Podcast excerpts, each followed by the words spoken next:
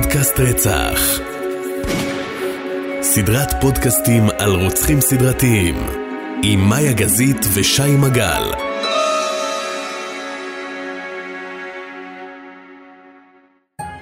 היי, מאיה, היי שי, מה שלומך? בסדר, מעניינים? מעולה. חבר- עברו השבועיים? סבבה? זה היה היסוס. עברו בסבבה. אבל היה היסוס, נכון? היה קצת, אבל עברו בסבבה. נפתח אחרי? אחרי, כן. סבבה. ברוכים הבאים לחלק השני, בעצם לפרק השני של העונה השנייה. מהמם. אנחנו מקליטים באולפני 5 לייב מבית מימון ישיר, אז תודה. תודה רבה. אמ, אין לי מושג על מה אנחנו מדברים, אני כן יודע במי מדובר, צריך להגיד, כי לפני כמה, שלושה חודשים, חודשיים, משהו כזה. שלחת לי, התלבטת בין X ל-Y, ואז פשוט שלחת לי תמונה של X, תמונה של Y, בתמונה של Y היו בגדי נשים, ואמרת לי שהוא היה בכיר ב... בצבא הקנד- הקנדי, נכון? נכון, ואז אמרת, כאילו, פשוט אמרתי לך, זהו, וכאילו, משם התקדמנו. נכון, אז, אבל אה, תגיד שבתמונה שראית זה לא סתם אה, לבני נשים, זה הוא לבש את לבני כן, הנשים כן, האלה. אחרת זה לא היה מעניין. כן, בדיוק. וא', כנראה שזה אומר משהו עליי. גם את זה נפתח אחרי. אה, לא באמת, מה היה, כן? אוקיי, אני פשוט רואה את העיניים שלך. אז אני לא, אז- מסתכלת אז- מסתכלת לך בעיניים. אזל, אזל, אזל, אזל. ושתיים, אמור להיות מעניין. אמור להיות מאוד מעניין, אבל לפני שאנחנו מתחילים, אני רוצה לשים משהו על השולחן, כדי, כי אני יודעת שאנשים אה, יעירו לנו על זה. הוא לא רוצח סדרתי, אוקיי? פר הגדרה. פר הגדרה רוצח סדרתי זה מי שרצח שלושה אנשים או יותר, במהלך של חודש וכולי, והכוכב הפרק שלנו, ראסל וויליאמס, הוא רצח רק שתי נשים.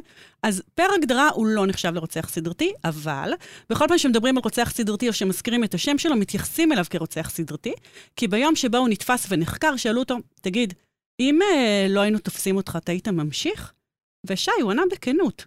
הוא אמר, אני רוצה להאמין שלא, אבל אני, אני לא באמת יכול לענות על השאלה הזאת. אז אה, פשוט תפסו אותו בזמן לפני הרצח השלישי, אוקיי. אוקיי? עכשיו, זה סיפור שהוא נורא נורא מעניין. מעבר לעניין הזה של התמונות שאני אעלה לקבוצת הפייסבוק שלנו, פודקאסט רצח, זה סיפור מאוד מעניין, כי זה סיפור שיש בו כל מיני סיפורים. קודם כל, זה סיפור על התמכרות לריגוש. שמה שאתה יודע, מרגש היום, לא מרגש כבר מחר. זה סיפור על אה, אומץ, אבל שמתובל בזכיחות ובהירות, שמהר מאוד מביאה להסלמה. וזה סיפור גם על עבודת משטרה, שמצד אחד הייתה עבודת משטרה נהדרת. שזה כאילו... זה מפתיע. כן, זה קצת לגוון.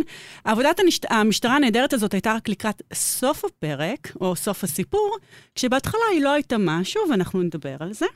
ובעיקר, בעיקר, זה פרק על uh, מישהו שניהל חיים כפולים. אוקיי. אבל שי, חיים כפולים אמיתיים, כאילו דוקטור ג'קיל ומיסטר הייד. היו לנו כמה כאלה כבר, אבל את אומרת שזה יותר מזה? זה באקסטרים. אוקיי. זה ברמה שכדי שתבין כאילו על מה מדובר, תתאר לעצמך שקצין בכיר בצה"ל בדרגת אה, אה, אלוף משנה, שהוא גם רוצח סדרתי. פסיכי. באמת פסיכי. נכון? אז זה היה כן, לגמרי. אבל זה מה שקורה כאן בפרק. אז אנחנו uh, מדברים היום על ראסל וויליאמס, שמצד אחד הוא ניהל, uh, הוא קריירה צבאית מפוארת, שאנחנו נדבר עליה בפרק. הוא היה מאוד מוכר בקהילה שלו, הוא התנדב בקהילה, הוא תרם כספים, הוא ערך ערבי צדקה, אבל מצד שני, הוא גנב, הוא תקף מינית, ובסוף הוא גם רצח. אלוף משנה בצה"ל, כן? מהמם. טוב. כן. Um, עכשיו, בגלל שיש כזאת קיצוניות, החלטתי שאת הפרק אני הולכת לספר בשיטה הבאה. קודם כל, אני אספר על ראסל וויליאמס בכובע, או שאני אגיד בכומתה של קולונל ראסל וויליאמס. החיים המוכרים. אני לא רוצה להגיד שגרתיים, בגלל שלא היו לו בעיניי, גם החיים המוכרים הם לא היו שגרתיים, הייתה לו קריירה מפוארת בצבא, נדבר עליה, אבל בסך הכל בן אדם, אה, אתה יודע, מן היישוב. אז אני קודם כל אציג אותו, ואחר כך אני אספר מה היה במקביל בקהילה שבה הוא חי, כשכמובן גם התושבים וגם למשטרה לא היה מושג בכלל שכל הפשעים האלה שנעשים, נעשים על ידי ראסל וויליאמס, ובסוף אני אסיים כשהוא נעצר ואיך שני הסיפורים שלנו מתחברים. רוצי. אוקיי. אז ראסל וויליאמס אה, נולד ב-7 במרץ 1963 באנגליה. אה, הוא נולד להורים אה, דיוויד ונוני וויליאמס, והיה לו אח שהיה צעיר ממנו בשנה. בשנתיים, סליחה. Uh, כשראסל uh, נמצא בגיל 4, uh, ההורים שלו מחליטים לעזוב את אנגליה ולעבור לקנדה. הם עוברים לקנדה בעקבות העבודה של דיוויד, של אבא שלו.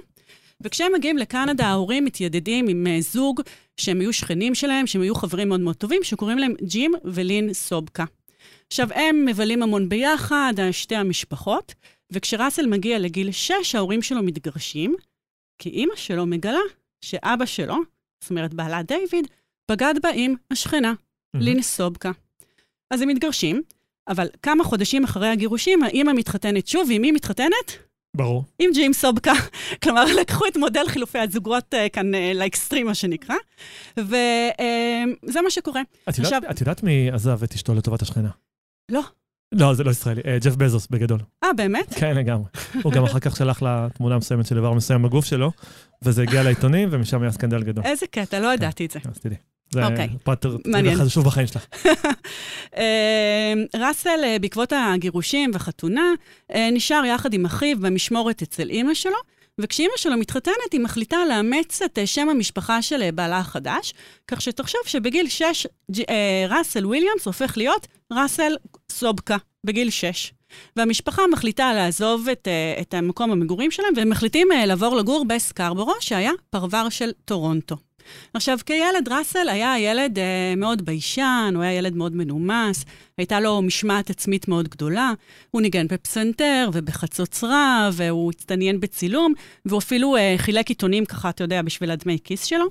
וכשהוא מגיע לגיל 16, המשפחה רוצה לעזוב את קנדה ולעבור אה, לגור בדרום קוריאה, בעקבות עבודה של אה, ג'ים סובקה, האבא החורג. אבל לראסל היה מאוד מאוד טוב, הוא לא רצה לעזוב עם המשפחה. ובשורה התחתונה מה שקורה זה שהוא נשאר בסקרבורו, הוא נכנס לתיכון, אה, שנחשב לתיכון, לתיכון אה, יוקרתי, שהיו שם אה, תנאי פנימייה, והמשפחה שלו עוזבת לרילוקיישן לדרום קוריאה. מאוד מאוד טוב לו בתיכון, הוא מסיים את התיכון, וישר עם סיום התיכון הוא מחליט להתחיל ללמוד באוניברסיטת סקרבורו. הוא לומד כלכלה ומדעי המדינה, ואתה זוכר אולי מי עוד למד באוניברסיטת סקרבורו? לא, תזכירי לי. פול ברנרדו אה, מפרק, מהפרק על קן וברבי מה- אוקיי. בעונה הקודמת. לא יודעת מה היה שם במים, במים, אבל תחשוב ששני רוצחים סדרתיים יצאו מהאוניברסיטה הזאת. הדיקן, הדיקן. דקה. אה, כסטודנט הוא נחשב לסטודנט אה, מצטיין. אה, היו לו ציונים טובים, הוא גר אה, במעונות הסטודנטים, אה, במעין אה, דירת סטודנטים כזאת, עם עוד חמישה חברים, חמישה שותפים, שמספרים עליו שהוא היה לו מין תכונת תרסר כזאת. הוא היה מחלק משימות לחברים שלו, אתה תנקה את הבית, אחד יערוך את הקניות, השלישי יערוך את השולחן לפני ארוחת ערב. הוא חילק משימות, והם אומרים אבל שבזכות זה גם הדירה שלהם תמיד הייתה נקייה ומצוחצחת, אבל גם היה לו מין קטע כזה שהוא אהב להטריל את החברים שלו. הוא היה מחכה שאף אחד לא יהיה בדירה, וכשאף אחד לא היה בדירה, הוא פשוט היה נכנס לארון. עכשיו, הוא היה יכול לחכות בארון שעות, ואז ברגע שהחברים היו נכנסים לדירה, הוא היה מחכה לרגע המתאים, שבדיוק הם לא שמו לב, הוא היה פשוט יוצא מהארון ומפתיע אותם. אוקיי. אוקיי? הייתה לו אהבה כשהוא היה באוניברסיטה, הייתה בחורה יפנית שהוא ניהל איתה קשר, והם היו חברים, אה, כאילו, הייתה שם אהבה מאוד מאוד גדולה, והיא באיזשהו שלב מחליטה אה, לעזוב אותו. עכשיו, שי, הבן אדם שבור לב, מתמוטט. מאוד מאוד מאוד קשה לו הפרידה, עד כדי כך שבמשך עשר שנים הבאות הוא לא יוצא עם אף אישה. וואו. כן. עכשיו, אני הקשבתי לאיזשהו פודקאסט קנדי, שהם סיפרו על המקרה הזה, והם אמרו שבאותה תקופה הוא ראה אין ספור פעמים את הסרט טופגן, את אה, אהבה בשחקים. ששם... את אה, הראשון, כן. כן, הראשון, נכון? שתום קרוז שם הוא טייס שבסופו של דבר אה, זוכה בלב של הנערה, ובעצם הסרט הזה היווה השראה בשבילו להתגייס לצבא.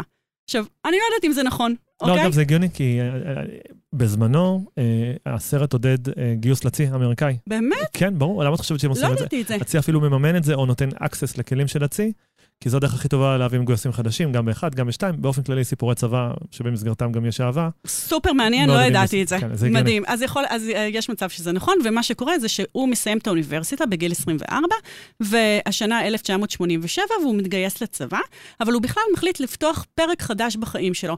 קודם כל, הוא חוזר לשם המשפחה של אבא הביולוגי, הוא חוזר להיות ראסל וויליאמס, והוא מתגייס לצבא. עכשיו, once הוא מתגייס לצבא, שי, מבינים, כולם מבינים שמדובר ב- בכוכב, בעילוי. אוקיי? שלוש שנים אחרי הגיוס, ב-1990, הוא כבר מקבל את הכנפי טיס שלו, והוא עובר, אה, הופך להיות אה, מדריך טיסה לבית ספר, בבית ספר לטיסה במניטובה. ושנתיים לאחר מכן, הוא ממש אה, מקודם, הוא הופך להיות, אה, מקבל אה, תפקיד של, אה, דרגה, סליחה, של אה, קפטן. שזה מקביל לדרגה של סרן. מהמם. הוא מכיר את מי שהופכת להיות אשתו, אישה בשם מרי אליזבת, והוא עכשיו מוצב בטייסת תמיכת קרב בנובה סקוטיה. אוקיי. אה, שלוש לח... שנים לאחר מכן עובר תפקיד, עובר אה, לטייסת שנקראת, מעין, זה כמו טייסת תחבורה כזאת, לא ידעתי כל כך איך לתרגם את זה, אבל בגדול מה שהוא עשה, הוא היה, הוא הטיס כל מיני מכובדים וכל מיני שגרירים ואנשי ממשל ואנשים חשובים, ויש אה, תמונה מאוד מפורסמת שלו שאני עכשיו אראה לך, ותגיד, כאילו, תספר למאזינים שלנו מה אתה רואה. את מי הוא הטיס? לא פחות ולא יותר מלכת אנגליה. אוקיי, קטע. הוא, מטיס, כן, זה מדהים שיש את התמונה הזאת, הוא uh, מטיס את מלכת אנגליה ואת מי שהיום גם המס, המלך uh, אנגליה, את צ'ארלס. ובעצם ב-1999 הוא, שוב מקודם לדרגת מייג'ור, שזה רב סרן, והוא עושה תואר שני בצבא, הוא לומד לימודי הגנה במכללה הקנדית. ארבע שנים... הייתי יכול להתבדח ולהגיד הגנה ממי לקנדה, אבל בסדר. מה, מה? ממי קנדה מגיעה לך, בסדר. נכון. אמ, ואחר כך ב-2004 הוא שוב מקודם, הפעם אה, הוא לוטנט אה, קולונל, שזה מקביל לסגן אלוף, והוא חוזר לטייסת תחבורה, אבל הפעם בכובע של מפקד הטייסת, והוא גם אחראי על מחנה מיראז'. מחנה מיראז' היה אה, מתקן צבאי סודי כזה בדובאי, שבעצם שימש מעין מתקן לוגיסטי כזה של תמיכה לכוחות הקנדים באפגניסטן. ב-2009 ב-2009 הוא שוב מקודם, הפעם לדרגת קולונל, שזה מקביל לדרגה של uh, uh, אלוף משנה, מהמם. נכון? לדרגה של אלוף משנה, והוא לי. הולך uh, להיות uh, מפקד הבסיס בטרנטון. הבסיס בטרנטון זה בעצם הבסיס חיל האוויר הגדול ביותר בקנדה, העמוס ביותר בקנדה, יש בו יותר מ-4,000 חיילים, וכל הפקודים שלו אומרים שכולם מדברים עליו דברים כל כך, uh, רק, רק מילים טובות. שהוא uh, מאוד רציונל והוא מאוד שקול ומאוד רגוע, ואין אחד שמדברים איתו שלא מזכיר את המילה מנהיג. עכשיו, במקביל לכל הקריירה הצבאית המדהימה הזאת, גם בחיים האישיים שלו, הוא בזוגיות, לפחות מהצד, נראה זוגיות מאוד טובה ואוהבת עם מרי אליזבת, שהיא בעצמה מפתחת קריירה, היא לא בצבא, היא הופכת להיות אה, מנכ"לית של אה, עמותה אה, למחלות לב, והם חיים ביחד ומאוד טוב להם. בשנת 2004 הם מחליטים לבנות את בית החלומות שלהם. עכשיו, יש פרבר ליד אוטובה שנקרא אורלינס, ששם הייתה שכונה של יוצאי צבא, ושם הם בונים את הבית שלהם, והם מאוד... נכון, משהו כזה. הם בונים רק שנראה לי שהיא נראית קצת יותר יפה ממודיעין. לא, אל תעליבי, אל תעליבי. לא, לא, מאזיננו מה זה במודיעין. במודיעין, אוקיי. אני מזכיר שאחד העובדים הבכירים מגיע ממודיעין, אל תעשו. נכון. אמ, אז אה, הם אה, בונים את הבית שלהם אה, באורלינס, אבל מה שקורה, ב-2009 אמרנו שהוא מוצב בטרנטון. עכשיו, תראה מה עשיתי. נכנסתי לגוגל מפס, כי אני אף פעם לא הייתי בקנדה, אני לא יודעת אם אתה היית, אני לא מכירה את האזור, וסימנתי במפה איפה כל המקומות נמצאים. אני אעלה את התמונה, את המפה לקבוצת הפייסבוק שלנו, אבל גם עכשיו אתה יכול להסתכל. מהמם. אורלינס נמצאת כאן, היא פרבר של אוטובה, וטרנטון נמצאת בתחתית המפה. מדובר בשלוש שעות של נסיעה. עכשיו, לא הגיוני שכאילו לנסוע כל יום הלוך וחזור את השלוש שעות האלה מהבית לעבודה. נכון, הלוך בבוקר, הלוך אה, אה, בחזרה. ולכן הם מגיעים למסקנה שהם צריכים לקנות עוד בית. והם קונים קוטג' על אה, אה, שפת אגם בעיירה מנומנמת מאוד חמודה, שנקראת טוויד, שנמצאת יחסית קרוב לטרנטון. אז המשמעות היא שבעצם באמצע השבוע הם לא באמת חיים ביחד. מרי אליזבת גרה בבית באורלינס כי היא עובדת באוטובה, הוא גר בב- בקוטג' שלו בטוויד כי הוא עובד בטרנטון, ובעצם הם נפגשים רק בסופי שבוע בבית באורלינס או בבית בטוויד. תכלס אידיאלי. סתם, סתם. נכון, זה, זה מתכון מעולה לזוגיות. אה, אלה החיים שלו. שי, אין כאן שום אה, טראומת ילדות, אין הורים מתעללים, אין אה, טראומות ילדות שאתה לא יודע להתמודד איתם. חתולים, כלבים. נאדה, כלום. חוץ מהקטע שהיה קופץ באמצע, כן, בארונות, שזה, באמצע כן, אבל זה. אולי יכול להיות כן. סתם סטודנט מפגר, כאילו, נכון. אין, אין כאן, אין כאן אוקיי. באמת משהו זה. עכשיו, אני עוצרת את הסיפור אחרי שהכרנו את אה, מי זה ראסל וויליאמס, לפחות בכובע שכולם הכירו, ועכשיו אני הולכת לספר לך מה היה בקהילות שבהן הוא חי, במקביל, שכמובן לאף אחד לא היה מושג, שזה הוא. והסיפור שלנו מתחיל ב-2007, בטוויד, במקום ששם היה לו את הקוטג' שהיה קרוב אה, לבסיס שלו. ב-2007 היו כל מיני דברים מוזרים בעיירה המנומנמת הזאת. עכשיו, כשאני אומרת דברים מוזרים, אני מתכוונת לזה שכל מיני אה, משפחות חזרו הביתה אחרי שהם היו בחופשה, או בסוף שבוע ארוך, או אפילו סתם חזרו מבילוי, והם גילו שכל מיני דברים בבית שלהם נעלמים. או, שזה, או שהם פשוט לא נמצאים במקום שלהם. עכשיו, כשאני אומרת דברים נעלמים שאני לא מתכוונת לדברים ממש אה, יקרים, אני לא מדברת על תכשיטים, או על כסף, או על טלפונים, או לפטופים. לא הבנתי מה, כביסה? אתה מאוד קרוב לזה, אוקיי? אני מדברת על דברים אינטימיים, קטנים, כמו תחתונים, אוקיי, כביסה. אוקיי, כביסה. תחתונים, חזיות, לנג'רי, אה, בגדי ים, תמיד דברים, תמיד פרטי הלבשה של נשים. עכשיו, בהתחלה אנשים, או יותר נכון, אני אגיד אנשים, לא ממש שמו לב בכלל שמשהו נעלם. הם לרוב לא שמו לב שמשהו נעלם. ואם הם שמו כבר לב שמשהו נעלם, אז או שהם חשבו שהם בטעות שמו את פריט לבוש הזה בארון של מישהו אחר, או שמישהי אחרת מפני הבית לקחה ללא רשות, או שאתה יודע, זה, לא יודעת, נעלם במכונת כביסה עם גרביים שאין להם זוג. איפה את שומרת את הלנג'רה שלך? במגירה. אוקיי. אוקיי, אז אנחנו ממשיכים. ההיעלמות המסתורית הזאת של אה, אותם אה, אנשים, של, של אותם אה, פרטי לבוש, קורית במשך חודשים שלמים בטוויד. ומדי פעם יש כל מיני סיפורים של משפחות שחזרו הביתה, והם שמים לב שמישהו בדיוק יצא מהבית, איזשהו פורץ שהיה אצלם בבית, והם ממש בזווית העין ראו אותו יוצא מהבית שלהם. עכשיו, הם לא בדיוק הספיקו לראות מי זה, הם רק ראו שהוא לבש בגדים שחורים, וכשהם נכנסים הביתה, הם לא רואים ששום דבר נגנב. ואם כבר שמים לב שמשהו נגנב, אז הם שמים לב לזה בש, ב, בשלב הרבה יותר מאוחר. והם כבר בשלב הזה, אבל כל התושבים בטוויט מבינים שכנראה לא מדובר באיזה נער שמחפש כסף, או איזה מישהו שרוצה להטריל, שמדובר באיזשהו מישהו מוזר וקריפי, והם ממש נותנים לו כינוי, הם קוראים לו The Tweed Creeper. אוקיי. עכשיו, מה שסיפרתי לך עד עכשיו, מתרחש בנוסף בעוד מקום, באורלינס, אוקיי. ששם גם יש לו שם בית. אבל התושבים באורלינס התנהגו קצת אחרת מהתושבים בטוויד. אנחנו כבר ב-2008, כבר עוברת שנה שכל הזמן התרחשויות המוזרות האלה של בגדים נעלמים, אה, בגדי הלבשה תחתונה נעלמים. וב-2008 משפחה באורלינס חוזרת הביתה, זו משפחה שהיו להם ארבעה ילדים, שלוש, שלוש מהם אה, בנות, והם חוזרים הביתה מחופשה והם ישר קולטים שמישהו פרץ להם הביתה. הם רואים שהדלת האחורית שהם תמיד נוהגים לנעול אותה פתוחה, והחלון במרתף למטה שבור. עכשיו, היה להם ברור שהפורץ שנכנס אליהם הביתה, הוא נכנס דרך החלון במרתף, כי הוא ממש משאיר אה, שובל של אה, בוץ ועלים מהמרתף ישירות לחדרים. כשבת אחת נכנסת לחדר שלה, היא רואה אלבום משפחתי עם כל התמונות אה, שלה שהיו באלבום, פשוט מפוזרות, מפוזרים כאילו על, ה- על הרצפה. ובת אחרת שנכנסת לחדר שלה, היא רואה גם אלבום משפחתי, אבל שהתמונות שלה חסרות. בשלב הזה. המשפחה מחליטה להזמין את המשטרה. מגיעה המשטרה לאותו... הוא בעצם גם על הרמה, אבל, ביחס ל- נכון. ללוקיישן השני שלו. נכון מאוד. אוקיי. אגב, אנחנו נראה את זה לאורך כל הפרק, את ההסלמה. את האסקלציה, ו- כן. והמשטרה מגיעה, והמשטרה מספרת למשפחה שהם לא הראשונים שמתלוננים, שלמעשה יש גל של פריצות באורלינס. וגם אומרים למשפחה, תדעו, מה שהפורץ או הפורצים האלה עושים, הם גונבים תחתונים, חזיות, לבני נשים של, כאילו, של, של נשים. בנות הבית, כל אחת הולכת לחדרה, פותחות את המגירות של התחתונים, ובאמת מבינים שדברים חסרים. בנוסף, כולל, זה כולל גם את הילדה הצעירה שלהם, שילדה בת 12, ואם זה לא מספיק, למחרת היום היא פותחת את המחשב שהיה אצלה בחדר, והיא רואה שהוא השאיר לה קובץ וורד פתוח, שהוא כותב על זה את המילה מרסי. אוקיי? מהמם. עכשיו, המשפח... המשטרה באורלינס מבינה שיש אה, פורץ, והיא גם מבינה שהוא לאט לאט, כמו שאמרת, הוא נהיה יותר אמיץ ונהיה יותר נועז, כך שבינואר 2009, תחשוב שי, הוא פורץ באותו חודש פעמיים לאותו בית, לילה אחרי לילה.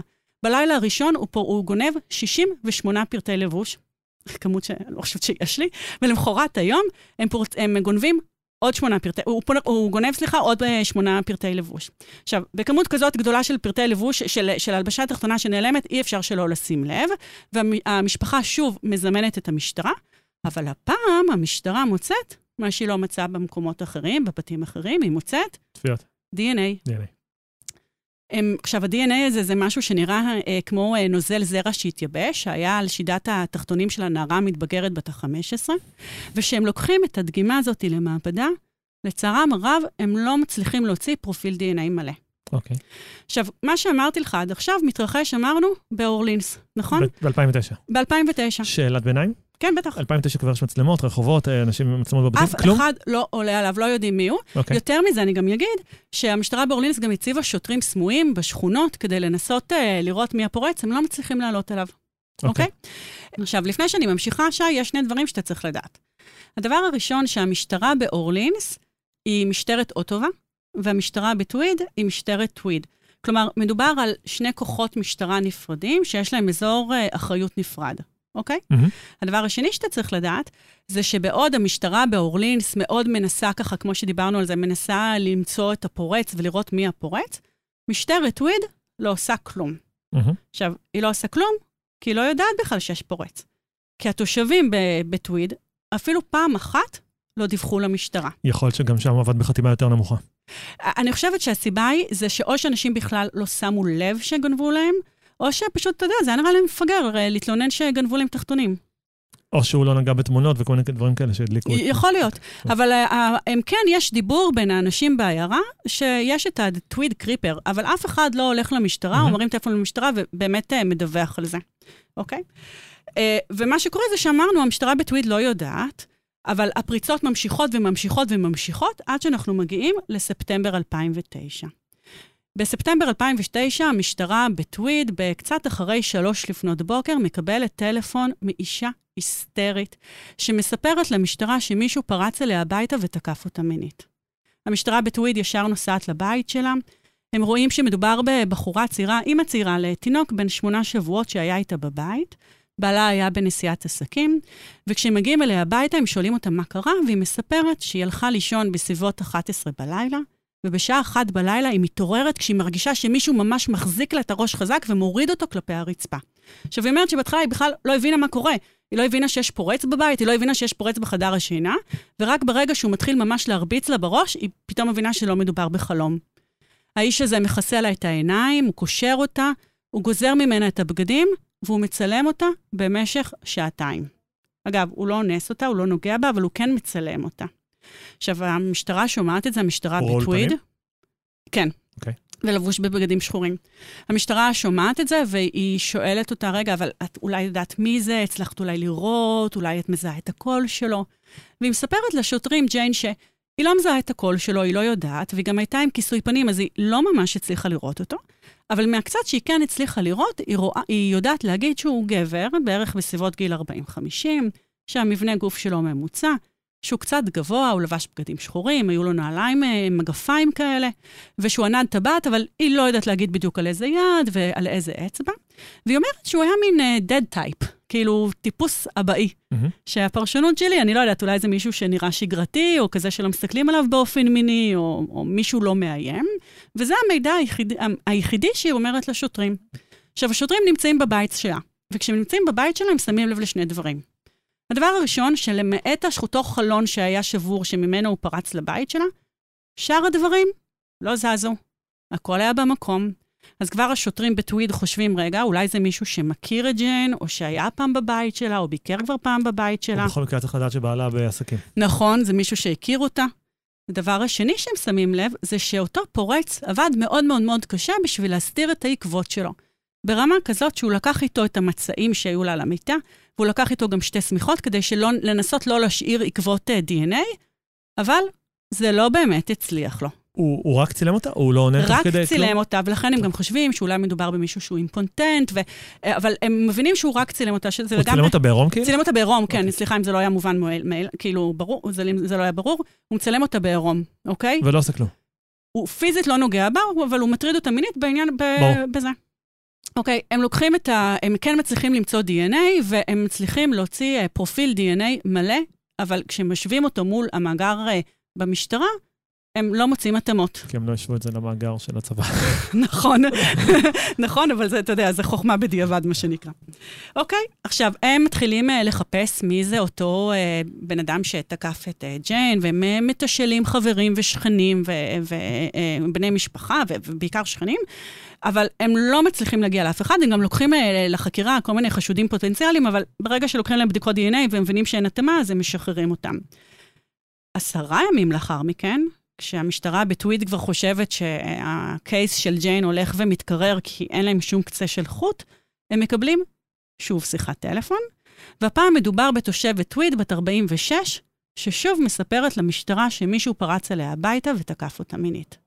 השוטרים בטוויד ישר ממהרים אליה הביתה, והיא מספרת להם שבערב היא אה, צפתה בטלוויזיה ובסלון, והיא נרדמה מול הטלוויזיה בסלון. וכשהיא ישנה על הספה בסלון, היא מתעוררת בסביבות אחת בלילה, שוב עם אותו סיפור של מישהו שתופס לה את הראש ומחזיק לה את הראש כלפי מטה, והיא אומרת שהיא הייתה כל כך מבוהלת וחסרת אוריינטציה, שהיא בהתחלה חשבה שיש שריפה בבית ושהריאות שלה מלאות בעשן, אבל כשהוא לוחש לה באוזן, היא מבינה שיש פורץ, והוא לוחש לה באוזן והוא אומר לה, זה שוד, תהיי בשקט, יש פה עוד אנשים בבית, והתפקיד שלי זה לדאוג שלא תפריעי לשוד ושתהיי בשקט. עכשיו, כמובן שלא היה שוד, כמובן שלא יהיו אנשים אחרים. היא, היא, היא חיה לבד? היא חיה לבד, הוא ידע שהיא חיה לבד, אוקיי? אגב, היא הייתה שכנה של ראסל וויליאמס, מהמם. בסדר? היא הייתה שכנה שלו, אנחנו נדבר על זה. היא לא זיהתה את הכל? אוקיי, שאלה נהדרת. הם שואלים אותה, השוטרים, תגידי, ראית משהו, שמעת משהו? והיא אומרת להם, תקשיבו, הקול שלו היה נשמע לי מוכר, אבל אני לא יודעת בדיוק, אני לא יכולה לשים את, את היד, להגיד בדיוק מאיפה הוא מוכר לי. אבל היא מספרת לשוטרים עוד משהו מאוד מעניין. היא אומרת להם, תקשיבו, הוא היה מאוד מנומס. הם אומרים לה, רגע, מה זאת אומרת מאוד מנומס? אז היא מספרת להם, אותה לורי שהותקפה מינית, היא מספרת להם שברגע ש, שהוא נכנס, שהוא דיבר איתה, הוא אמר לה, את אישה מאוד נחמדה, יש לך בית מאוד נחמד. הוא אפילו מתנצל על זה שהוא הרביץ לה, אה, על זה שהוא הרביץ לה והוא נתן לה מכות חזקות בראש, וכשהיא אומרת לו שכואב לה הראש, אז הוא הולך לארון התרופות והוא נותן לה אספירין, וכשהוא רצה לצלם אותה, הוא שאל אותה אם אכפת לה תצל, שהוא יצלם אותה, והיא כמובן אמרה שלא והתנגדה, אבל הוא עשה את זה בכל זאת. עכשיו, בשלב הזה משטרת טוויד, אה, והיא אומרת כמובן שהכל נשמע לה מוכר. משטרת טוויד מבינה קודם כל שיש ומה קשר. ומה הוא בדיוק עשה? צילם אותה, שי, הוא לא נגע בה. עוד פעם. אותו סיפור, אוקיי. אוקיי? עכשיו, משטרת וויד בשלב הזה מבינה קודם כל שיש קשר בין שני המקרים, בין הת- המקרה הקודם, עשרה ימים לפני כן, שהוא תקף את ג'יין, לבין המקרה הנוכחי. זה גם הגיוני שהוא כאילו אימפוטנט. נכון, וזה מה שהם, וזה מה שהם חושבים, לפחות לעת עתה זה מה שהם חושבים. ואז אבל הם מחליטים כבר לפעול, מה שהם לא עשו עשרה ימים לפני כן, והם עושים כמה דברים. קודם כל, הם מתחילים להזהיר, הם מוצאים עם הצהרות ומזהירים את תושבות טוויד על פורץ שנמצא באזור, שפורץ לבתים ותוקף מינית נשים. והדבר השני שהם, מנסים, שהם עושים, הם מחליטים ממש לעבור בכל השכונה, בכל הרחוב שבו לורי גרה, ולדפוק על כל דלת ודלת, ולנסות לשאול את השכנים אם ראו משהו, אם הם שמעו משהו. והם עוברים דלת, דלת, דלת, דלת, ובאיזשהו שלב הם דופקים על הדלת של הבית של מהמם. ראסל וויליאמס. אבל הוא לא היה בבית. אז השכנים אומרים לשוטרים, רגע, אבל אתם יודעים מי גר פה? גר פה קולונל ראסל וויליאמס מהבסיס כאן ליד. הם- המב"ס. כן, כאילו, מטרנטון, ברור שהוא לא קשור. והשוטרים אומרים, אומרים כן, ברור שהוא לא, שוטר, שהוא לא קשור. אז הם פוסחים על הבית שלו והם לא חוזרים בחזרה לתשאל אותו, אבל הם כן מתשאלים את כל השכנים האחרים, למעט ראסל וויליאמס, כי לא הגיוני שזה יהיה הוא. אבל יש כאן משהו חשוב שמגלים. כי בזמן שמתשאלים את כל השכנים, פתאום בפעם הראשונה, משטרת טוויד שומעת את המושג The Tweed Creeper. קריפר. זאת אומרת, עד עכשיו תחשוב שמי שהיה לו את כל המידע הזה, וראה שיש איזושהי הסלמה בהתנהגות שלו, זה מש... המשטרה באוטובה, משטרת אורלינס. המשטרה בטוויט זה פעם ראשונה שהיא מבינה שיש מישהו שכנראה במשך שנים פרץ לבתים של נשים, ורק עכשיו יש הסלמה, ורק עכשיו בעצם הוא מתחיל לתקוף נשים. אז השוטרים מנסים אה, ככה לנסות שוב ולמצוא איזשהו ליד משמעותי, משהו שינסה למצוא מי התוקף, אבל הם מגיעים למבוי סתום, והחקירה ממש אה, מתקררת. עוברים פחות מחודשיים, אנחנו מגיעים ל-25 בנובמבר אה, 2009, ומשטרת טוויד שוב מקבלת טלפון. הפעם על הקו אה, בחור צעיר היסטרי, שי, היסטרי, שמתקשר למשטרה ואומר, תקשיבו, מצאתי את החברה שלי והיא מתה במיטה. הם נוסעים לבית, והוא מספר להם סיפור. הוא מספר שערב קודם הוא קבע דייט עם חברה שלו, והחברה שלו אה, לא הגיעה לדייט, אז הוא חשב אה, שהיא מאוד עייפה, היא הייתה טייסת בבס, בבסיס בטרנטון, והוא יודע שהיא הייתה אחרי טיסה ארוכה, אז הוא הניח שהיא נרדמה ולכן היא לא הגיעה לדייט. אבל כשלמחרת היום הוא מתקשר אליה לעבודה, ואומרים לה בעבודה, אבל אה, כאילו, היא לא הגיעה לעבודה, אז הוא מתחיל לחשוד. הוא נוסע אליה הביתה, הוא רואה את הרכב שלה בבית, הוא נכנס הביתה והוא רואה את הטלפון שלה ואת התיק שלה ואת הארנק שלה, ורק כשהוא עולה למעלה, לחדר השינה, הוא מוצא את הגופה שלה. עכשיו, לחברה שלו קראו מרי פרנס קומו, והיא הייתה, כמו שאמרתי, טייסת uh, בבסיס שוויליאמס פיקד עליו. והשוטרים uh, מגיעים לבית של uh, מרי פרנס, וקודם כל הם מבינים שהיה כאן, כאן אירוע מאוד מאוד מאוד אלים. יש דם, שי, בכל הבית. במרתף, על החדר מדרגות, בחדר השינה של uh, מרי פרנס, uh, באמבטיה, על מתגי חשמל. זאת אומרת, ברור שהיה כאן מאבק מאוד מאוד קשה. אגב, סיבת המוות שלה היה חנק, אבל כן, כשהם בודקים את הגופה, הם ראו שהיא נפצעה מאוד מאוד קשה בראש. בשלב הזה השוטרים קודם כל מבינים שיש, אה, אה, היה כאן מעשה מאוד מאוד אה, אלים, וכולם מאוד מאוד מאוד מזועזעים, ומי שעוד מזועזע, אתה מנחש? כן, לגמרי. זה ראסל וויליאמס, שחיילת... היא הייתה בבסיס, כן. בבסיס, חיילת, רצחו אותה. והוא מחליט לשלוח מכתב תנחומים לאבא של, מר, של uh, uh, מרי פרנס קומו. עכשיו אני רוצה שתקריא לנו את המכתב תנחומים. מר קומו יקר, אני רוצה לנצל הזדמנות זו בשם הגברים והנשים של Wing 8, להביע את תנחומי הכנים על מותה הטרגי של בתך. אה, מרי פרנס הייתה אישה מקצועית, אכפתית וחומלת, שזכתה לכבוד מכל מי שהיא באה איתו במגע. היא הציבה סטנדרטים גבוהים לעצמה ולאחרים, והייתה מסורה לרווחת הסובבים אותה. מרי פרנס השאירה חותם בטרנטון, והיא תחסר לחבריה הרבים. אנא תודיע לי אם יש משהו שאני יכול לעשות כדי לעזור לך בתקופה קשה זו. אתה ומשפחתך במחשבותינו ובתפילותינו. עם אהדתנו העמוקה, כולל ראסל וויליאמס, אלוף משנה, מפקד בסיס, CFB טרנטון. מטורף, אה? מרגש, הבחור מרגש. מאוד מרגש, כן. מטורף. עכשיו, אה, הוא שולח את המכתב תנחומים לאבא של אה, מארי פרנס. עכשיו, כמובן, המשטרה אין שום, בק... עכשיו בשלב הזה הם בכלל לא חושדים שהוא uh, קשור לרצח הזה. אבל שי, לא רק שהם לא חושדים בוויליאמס, הם בשלב הזה אפילו לא מקשרים Tweed Creeper, אוקיי? הם כל הזמן זוכרים שלורי אמרה שהפורץ שפרץ לבית הוא היה איש מאוד מנומס. ועכשיו הרצח נראה רצח מאוד אלים. מאוד מאוד אלים, אז הם אפילו לא חושבים שיש קשר, אוקיי? והם שוב מנסים לחקור ומנסים לראות, אה, אה, למצוא איזשהו ליד, והם נתקעים. הם שוב, החקירה מתקררת. ולא עובר הרבה זמן, אוקיי? וב-29 בינואר 2010, המשטרה שוב מקבלת טלפון. הפעם על הקו נמצא אח של אה, בחורה בשם אה, ג'סיקה לויד, בת 27, שאחיה מתקשר למשטרה ואומר למשטרה, תקשיבו, אני חושב שאחותי נעלמה, אוקיי? והוא מספר לשוטרים, שהיא לא הגיעה לעבודה, והיא בחורה הכי אחראית, והיא תמיד מגיעה לעבודה, ואין מצב שהיא, לא, שהיא מגיעה והיא לא מדווחת לאף אחד, וכולם ככה מאוד דאגו, והוא החליט לנסוע אליה הביתה.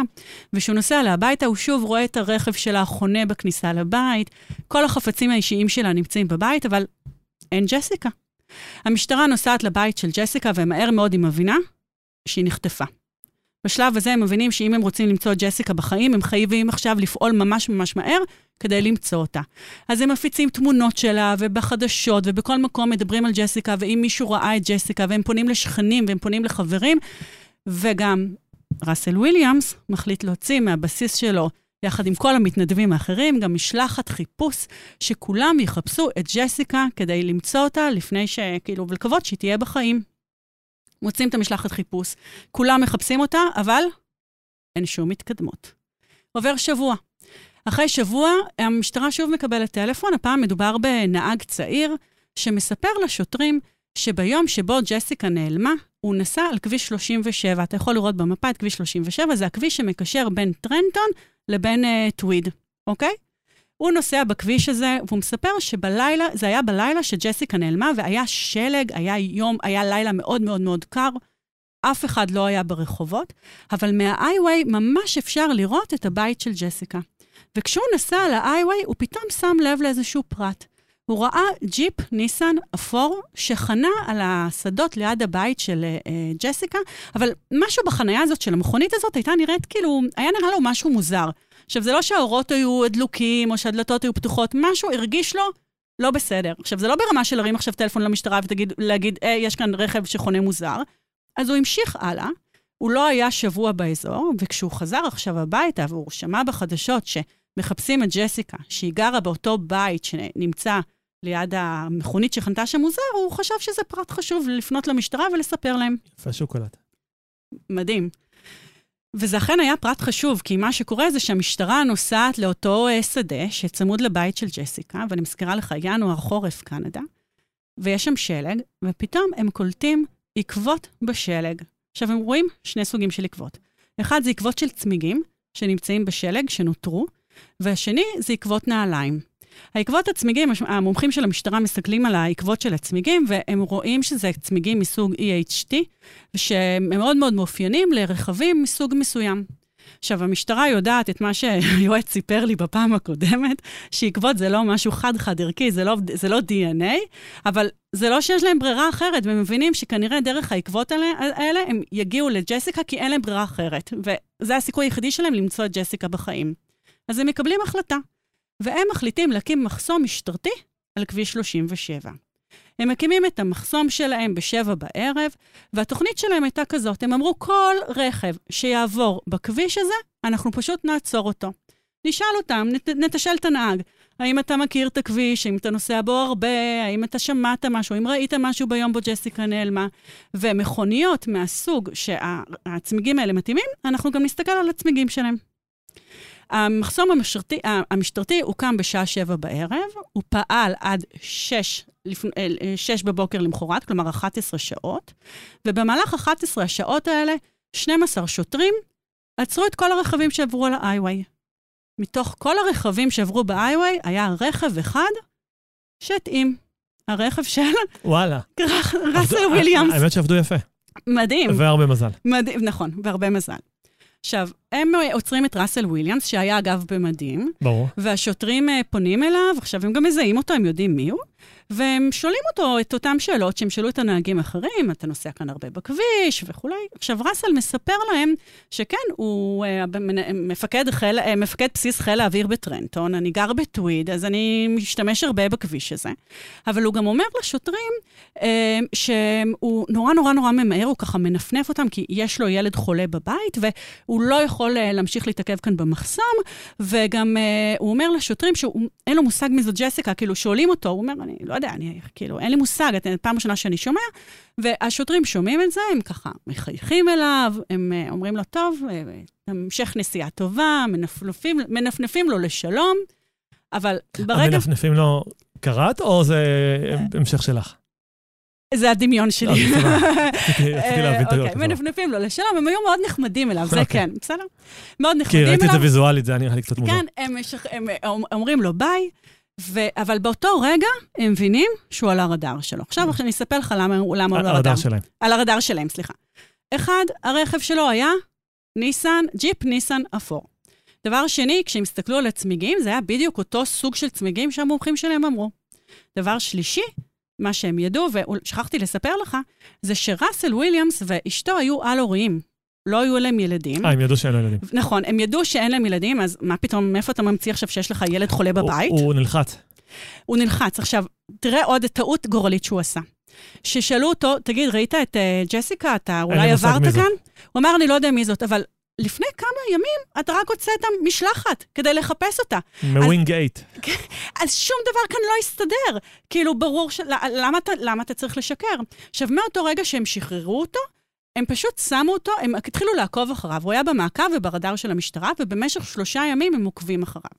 בשלושה ימים האלה שהם עוקבים אחריו, הם גם רואים אותו מכניס את הרכב שלו לשטיפת מכוניות באוטובה, ולפני שהוא הכניס את הרכב לשטיפ... לשטיפת מכוניות, הוא זרק את האשפה שהיה לו ברכב. Mm-hmm. וכשהוא לא רואה, השוטרים לוקחים את האשפה כדי לנסות משם להוציא אה, דגימה. עבדו יפה, עבדו יפה. עבדו מהמם. עבדו, יחידת עיכוב, יפה. נכון. ואז ברגע שהם מבינים שפחות או יותר, אה, ככה, הכל, אה, יש להם ראיות אה, מספיק, מספיקות, ספלי כוסות קפה, ופשוט ניסו להוציא משם... לא, לא, לא, שום לא דבר מפליא. ואז בשביעי לפברואר, בעצם שלושה ימים אחרי אותו מחסום משטרתי, חוקר בשם ג'ים סמית מרים טלפון לראסל וויליאמס, ומזמין אותו לבוא למשטרה לחקירה. עכשיו, הוא אומר לו, תקשיב, זה לא big deal, באמת, יש לי כמה קצוות כאלה רופפים, אני... בוא, בוא, בוא... במקרה. כן, בוא, בוא נקשקש קצת. אוקיי. Okay. אז ראסל מגיע כדי uh, לקשקש קצת. עכשיו, מה שראסל לא ידע, זה שאותו חוקר, ג'ים סמית, הוא uh, חוקר מאוד מאוד ותיק במשטרת uh, uh, טוויד, ושהוא עבד במחלקה למדעי ההתנהגות, ושבמשך שלושה ימים שלמים הוא ממש עבד על הרעיון הזה. אפיין, פר, אפיין פרופיל. אפיין פרופיל. מגיע ראסל. עכשיו, אני שנייה אגיד את זה, שהריאיון עם ראסל נמצא ביוטיוב. וואלה. זה הדבר, שי, מה, זה masterpiece, זה הדבר הכי מעניין, באמת, אני יודעת שאני אומרת את זה הרבה בהרבה פרקים, נכון? אבל זה באמת ממש, זה הכי מעניין. עכשיו, זה לא רק שזה... קרב מוחות? עכשיו, פחות. אה, זה, זה... הוא יושב עם ביריות? לא, סתם. לא, לא, רגע, שנייה, אני, אני אסביר. קודם כל, הרעיון עצמו הוא, הוא, הוא עבודה גאונית של אותו uh, ג'ים סמית, mm-hmm. וזה ממש, uh, uh, על פי הרעיון הזה, מלמדים חוקרים איך לחקור, אוקיי? Okay. Okay? אז זה מרתק ושווה לראות. גם, גם מבחינת השפת גוף שלו. עכשיו, ראסל מגיע על אזרחי, בסדר? אבל הוא כולו שי מפוצץ בביטחון עצמי, תתאר לעצמך. הרבה טקס בהשוואה. כן, אה, הוא לא אסמסטיק, הוא זחוח, הוא יאיר, הוא כולו מפוצץ בביטחון עצמי, הוא מגיע אה, לג'ים אה, סמית, מתיישב מול ג'ים סמית, וג'ים אומר לו, קודם כל הוא מודה לו שהוא הגיע, הוא אומר לו, תודה שאתה משתף פעולה, הוא מקריא לו את הזכויות שלו, אבל הוא גם אומר לו, תקשיב, אתה לא עצור, אתה בכל רגע נתון יכול לקום וללכת. בישראל מכירים רק לחשודים, איך זה שם? אני לא יודעת, אני רק יודעת, אני אוקיי. צפיתי ואני יודעת שהוא מקריא אוקיי. את הזכויות, אני לא יודעת איך זה, איך זה עובד שם. אה, ואז אה, הוא, ראסל שהיה כאילו בטוח שאף אחד לא יכול לגעת בו, ובחיים לא ידעו שזה הוא, הוא הגיע כולו יאיר וזחוח, הוא גם מוותר על עורך דין, ומתחילים לדבר. וכשמתחילים לדבר, ג'ים אומר לו, תקשיב, זה באמת קשור להיעלמות של ג'סיקה, אבל האמת שאני רוצה לשאול אותך על עוד שלושה מקרים, על הרצח של מארי פרנסקומו והתקיפות המיניות של ג'יין ולורי. והוא שואל אותו, תגיד, אה, אתה מכיר את ג'סיקה? ראית, אה, אתה יודע משהו? והוא חוזר על אותו סיפור שהוא אמר במחסום התקשורתי, המח- המשטרתי. לא יודע, לא מכיר את ג'סיקה, אני, אני, אני, אני לא מכיר, אני לא יודע, לא ראיתי אותה לעולם בחיים שלי. אז ג'ים ממשיך ושואל אותו לגבי מרי פרנסקומו. הוא אומר לו, אתה מעבר, אני, היא הייתה חיילת אצלך בבסיס, אתה, היה לך איזשהו קשר איתה, היית אצלה אולי פעם בבית, אולי פעם קיימתם יחסי מין, והוא אומר, "אה, לא, אני כאילו יודע מי זאת, היא שירתה אצלי בבסיס. פעם אחת אה, נפגשנו כי טסנו ביחד, אבל חוץ מזה לא היה שום קשר, אפילו לא היה כאילו חברות. והוא שואל אותו לגבי התקופות המיניות בטוויד, והדבר היחידי שהוא אומר זה שהוא ער לזה שהיו תקיפות מיניות, בגלל שהוא יודע שהייתה אה, תקיפה מינית אחת אה, ב, אה, ש, אצל לורי, בב... שהיא הייתה שכנה שלו. ואז ג'ים מבקש ממנו לתת טביעות אצבעות, בדיקת דם ועקבות של הנעליים. עכשיו, הוא כל כך זחוח, שי, הוא הגיע עם אותם נעליים, ש... וואלה. עכשיו, רואים בסרטון שהוא כזה, כשהוא מבקש ממנו סרטון, אה, אה, את העקבות נעליים, רואים אותו, איך הוא יושב, ופתאום הוא מסתכל ככה, רואים שהוא מסיט את המבט, מסתכל על, רגע, עם איזה נעליים הגעתי למשטרה? כמה היבריס. כן. אוקיי. והוא נותן את הבדיקות האלה, אבל הוא מבקש דיסקרטיות בשלב הזה. בשלב הזה הוא כבר מתחיל ככה לחשוש מהקריירה שלו, הוא מפחד שזה יגיע לצבא ולאשתו. ו... אמ, אבל, הוא, אבל הוא משתף פעולה והוא נותן את הבדיקות. זה קטע ואז- שהמשטרה רגילה חקרה אותו ולא במונחים שלנו מצח. אה, נכון, אוקיי, נכון, אני לא יודעת אבל איך זה עובד שם. כן, גם אני לא. ואז אה, ג'ים פשוט לאט-לאט מתחיל אה, לחשוף אותו לראיות שיש להם. הוא מראה לו את העקבות של ה... שהיו בשלג של הצמיגים מול הרכב שלו. הוא מראה לו שעקבות הנעליים מתאימות לנעליים שלו. והוא גם אומר לו, תקשיב, אנחנו לקחנו ממך בדיקת DNA, וזו רק שאלה של זמן, כי עוד מעט אנחנו נקבל את הבדיקות DNA שכנראה יוכיחו שזה אתה. עכשיו, כשהוא שכנע אותו לתת את הבדיקות DNA, הוא בעצם אמר לו כזה, אני בסך הכל רוצה לשלול אותך. כאילו, אה, זה. זה לא שאני חושד בך. ההפך. אבל כן, אבל ככל שהזמן עובר, מאוד מאוד ברור שג'ים זימן אותו לשם, לא כי הוא רוצה לשלול אותו, אלא לשלול אותו מהחשדות, אלא בגלל שהוא באמת החשוד. ומבחינת שפת הגוף זה פשוט מדהים, שי. והוא לא עוצר את החקירה בשלב הזה? הוא לא עוצר את החקירה. עכשיו, גם מבחינת שלב הגוף, אה, אה, שפת הגוף שלו, הוא הגיע כולו ככה מפוצץ בביטחון עצמי, ו... וכל האוויר יוצא. וואי, לאט לאט רואים איך מ... אתה יודע, בן אדם שיושב, הוא פשוט לאט לאט לאט מתכופף ומשתופף, מתמזג עם הכיסא. בדיוק מתמזג עם הכיסא, והוא לאט לאט מבין שזה מתחיל לסגור עליו. וג'ים ממשיך, הוא אומר, הוא אומר לו, אחרי שהוא אומר לו, עוד מעט הבדיקות DNA יגיעו, הוא ממשיך והוא אומר, אתה יודע, ברגעים האלה אנחנו מוצאנו uh, שוטרים עם צו חיפוש לבית שלך. לבית שלך בטוויד ולבית שלך באורלינס, ואנחנו נמצא שם דברים. והוא שותק. ואז uh, ג'ים פונה אליו ואומר לו, איפה ג'סיקה? וראסל שותק, ושותק, ושותק. אני חושבת שיש שם שתיקה אולי של שבע דקות. וואו. ו- והחוקר לא מדבר? לא אומר כלום. שבע דקות של שתי... מלך. וואו. לא אומר כלום, נותן לו להתבשל בעצמו. ואז ראסל פונה אליו ואומר לו, יש לך מפה? ואז ג'ים מראה לו את המפה, ואז הוא מראה לו איפה הגופה של ג'סיקה נמצאת. הוא בעצם בשלב הזה כבר מודה בהכל. גם רואים שהוא קצת משוחרר יותר, כאילו יש לו איזה, אולי איזשהו סוג של הקלה, והוא מספר הכל. הוא קודם כל מספר איך הכל התחיל. הוא אומר, אני, הפריצה הראשונה שלי הייתה בכלל באורלינס, לבית של שכנים שלנו, שיש להם ילדה בת 12. והוא מספר שהוא היה נכנס לבית הזה, הוא היה מאונן בחדר של הילדה בת ה-12, הוא היה לוקח את החזיות... כשהיא לא בחדר. ש... ברור, סליחה, לא אמרתי את זה, הם, הם לא היו בבית. אוקיי. הוא היה לובש את התחתונים ואת הגוזיות שלה, והוא היה מצלם את עצמו עם, ה, עם הבגדים האלה, והוא עשה את זה שוב ושוב ושוב באותו בית, והוא קיבל אומץ, כי הוא ברגע שהוא קולט שהמשפחה, השכנים שלו, בכלל לא שמים לב שמישהו פרץ אליהם הביתה, ושמישהו גונב אה, הלבשה תחתונה, אז הוא מבין שזה, אתה יודע, שזה אפשרי. וככה לאט-לאט הוא נהיה נועז יותר ואמיץ יותר. וככה התחילה להיווצר הפתולוגיה. נכון. ו- וזהו, ואז הוא מספר על הרצח של אה, מארי פרנס קומו, והוא מספר על הרצח, אה, על הרצח של ג'סיקה. למה הוא רצח? אני לא, אני לא יודעת לענות על זה. אני לא יודעת גם? לענות. כן, את שתי הבנות, את מארי פרנס ואת uh, ג'סיקה, הוא אנס. אני, אני אספר לך אפילו יותר מזה. ג'סיקה, הוא לא הכיר אותה, בניגוד את מארי פרנס קומה. הוא לא הכיר אותה, הוא יום אחד עובר ליד הבית שלה, והוא רואה אותה בחוץ מתאמנת, והוא מסתכל עליה ואומר, וואי, חמודה. ואז הוא החליט למחרת היום לפרוץ אליה הביתה, והוא הפתיע אותה בזמן שהיא ישנה. הוא אנס אותה עשרות פעמים בבית שלה, ובאיזשהו שלב הוא מחליט שזה לא מספיק, והוא פשוט חוטף אותה מהבית שלה לקוטג' שלו בטוויד. וכשהוא לוקח אותה לקוטג' בטוויד, הוא, במשך, מחזיק אותו ש... הוא מחזיק אותה שם במשך 18 שעות. עכשיו, ב-18 שעות האלה זה מזעזע. היא אומרת לו שהיא, שהיא, בבקשה, שישחרר אותה, היא ממש מתחננת לחייה. היא גם אומרת לו, אם אתה, לא, אם אתה תהרוג אותי, אז רק תמסור לאימא שלי שאני אוהב אותה. עכשיו, אחר כך הוא גם ישלח מכתב לאימא שלה, והוא יספר לה שג'סיקה אמרה שהיא אוהבת אותה. והיא אומרת לו, תקשיב, אני סובלת מפרכוסים, אני מרגישה לא טוב, אני מרגישה שאני הולכת לפרכס, תיקח, התחננה שהוא ייקח אותה לבית חולים, והוא כמובן, הוא לא מסכים, ובעצם המסכנה הזאת, ב-18 שעות שהיא הוחזקה אצלו בבית, היא פרכסה מספר פעמים, ואחרי 18 שעות שגם נמאס לו, וגם הוא מבין שהוא לא יכול עכשיו לשחרר אותה, כי ראתה את הפנים שלו, הוא אומר לה, אוקיי, אני אקח אותך לבית חולים, ושהיא הייתה, היא לא שמה לב, הוא פשוט אה, נתן לה מכות בראש, וחונק אותה. הוא משאיר את הגופה שלה במחסן, בקוטג' בטוויד, הוא נוסע לטרנטון והוא מטיס מטוס לקליפורניה, חוזר לעבודה. מספיק לחזור מקליפורניה, מבלה את הסופש עם אשתו בבית באורלינס, ולמעשה רק אחרי ארבעה ימים הוא חוזר לקוטג' בטוויד, נכנס למחסן, לוקח את הגופה של ג'סיקה וזורק אותה ביער. איזה סוף עלוב. זה נורא. Uh, זהו, מה שקורה שכבר למחרת היום, ב-8 לפברואר, uh, הצבא הקנדי uh, ממנה מפקד uh, זמני לבסיס בטרנטון, ש-11 ימים לאחר מכן הזמני הפך להיות קבוע. ולמרות שבעצם הוא הודע ואפשר היה כאילו, אתה יודע, לסגור איתו איזשהו הסדר מראש, למדינה בקנדה היה מאוד מאוד חשוב לעשות משפט. גם uh, כדי, לדעתי, גם כדי להשפיל אותו, אבל גם כדי להציג לכולם את העבודה המשטרתית המצוינת שהם עשו. ובשורה התחתונה זה שב-21 uh, לאוקטובר uh, 2010 הוא מורשע. מהיר.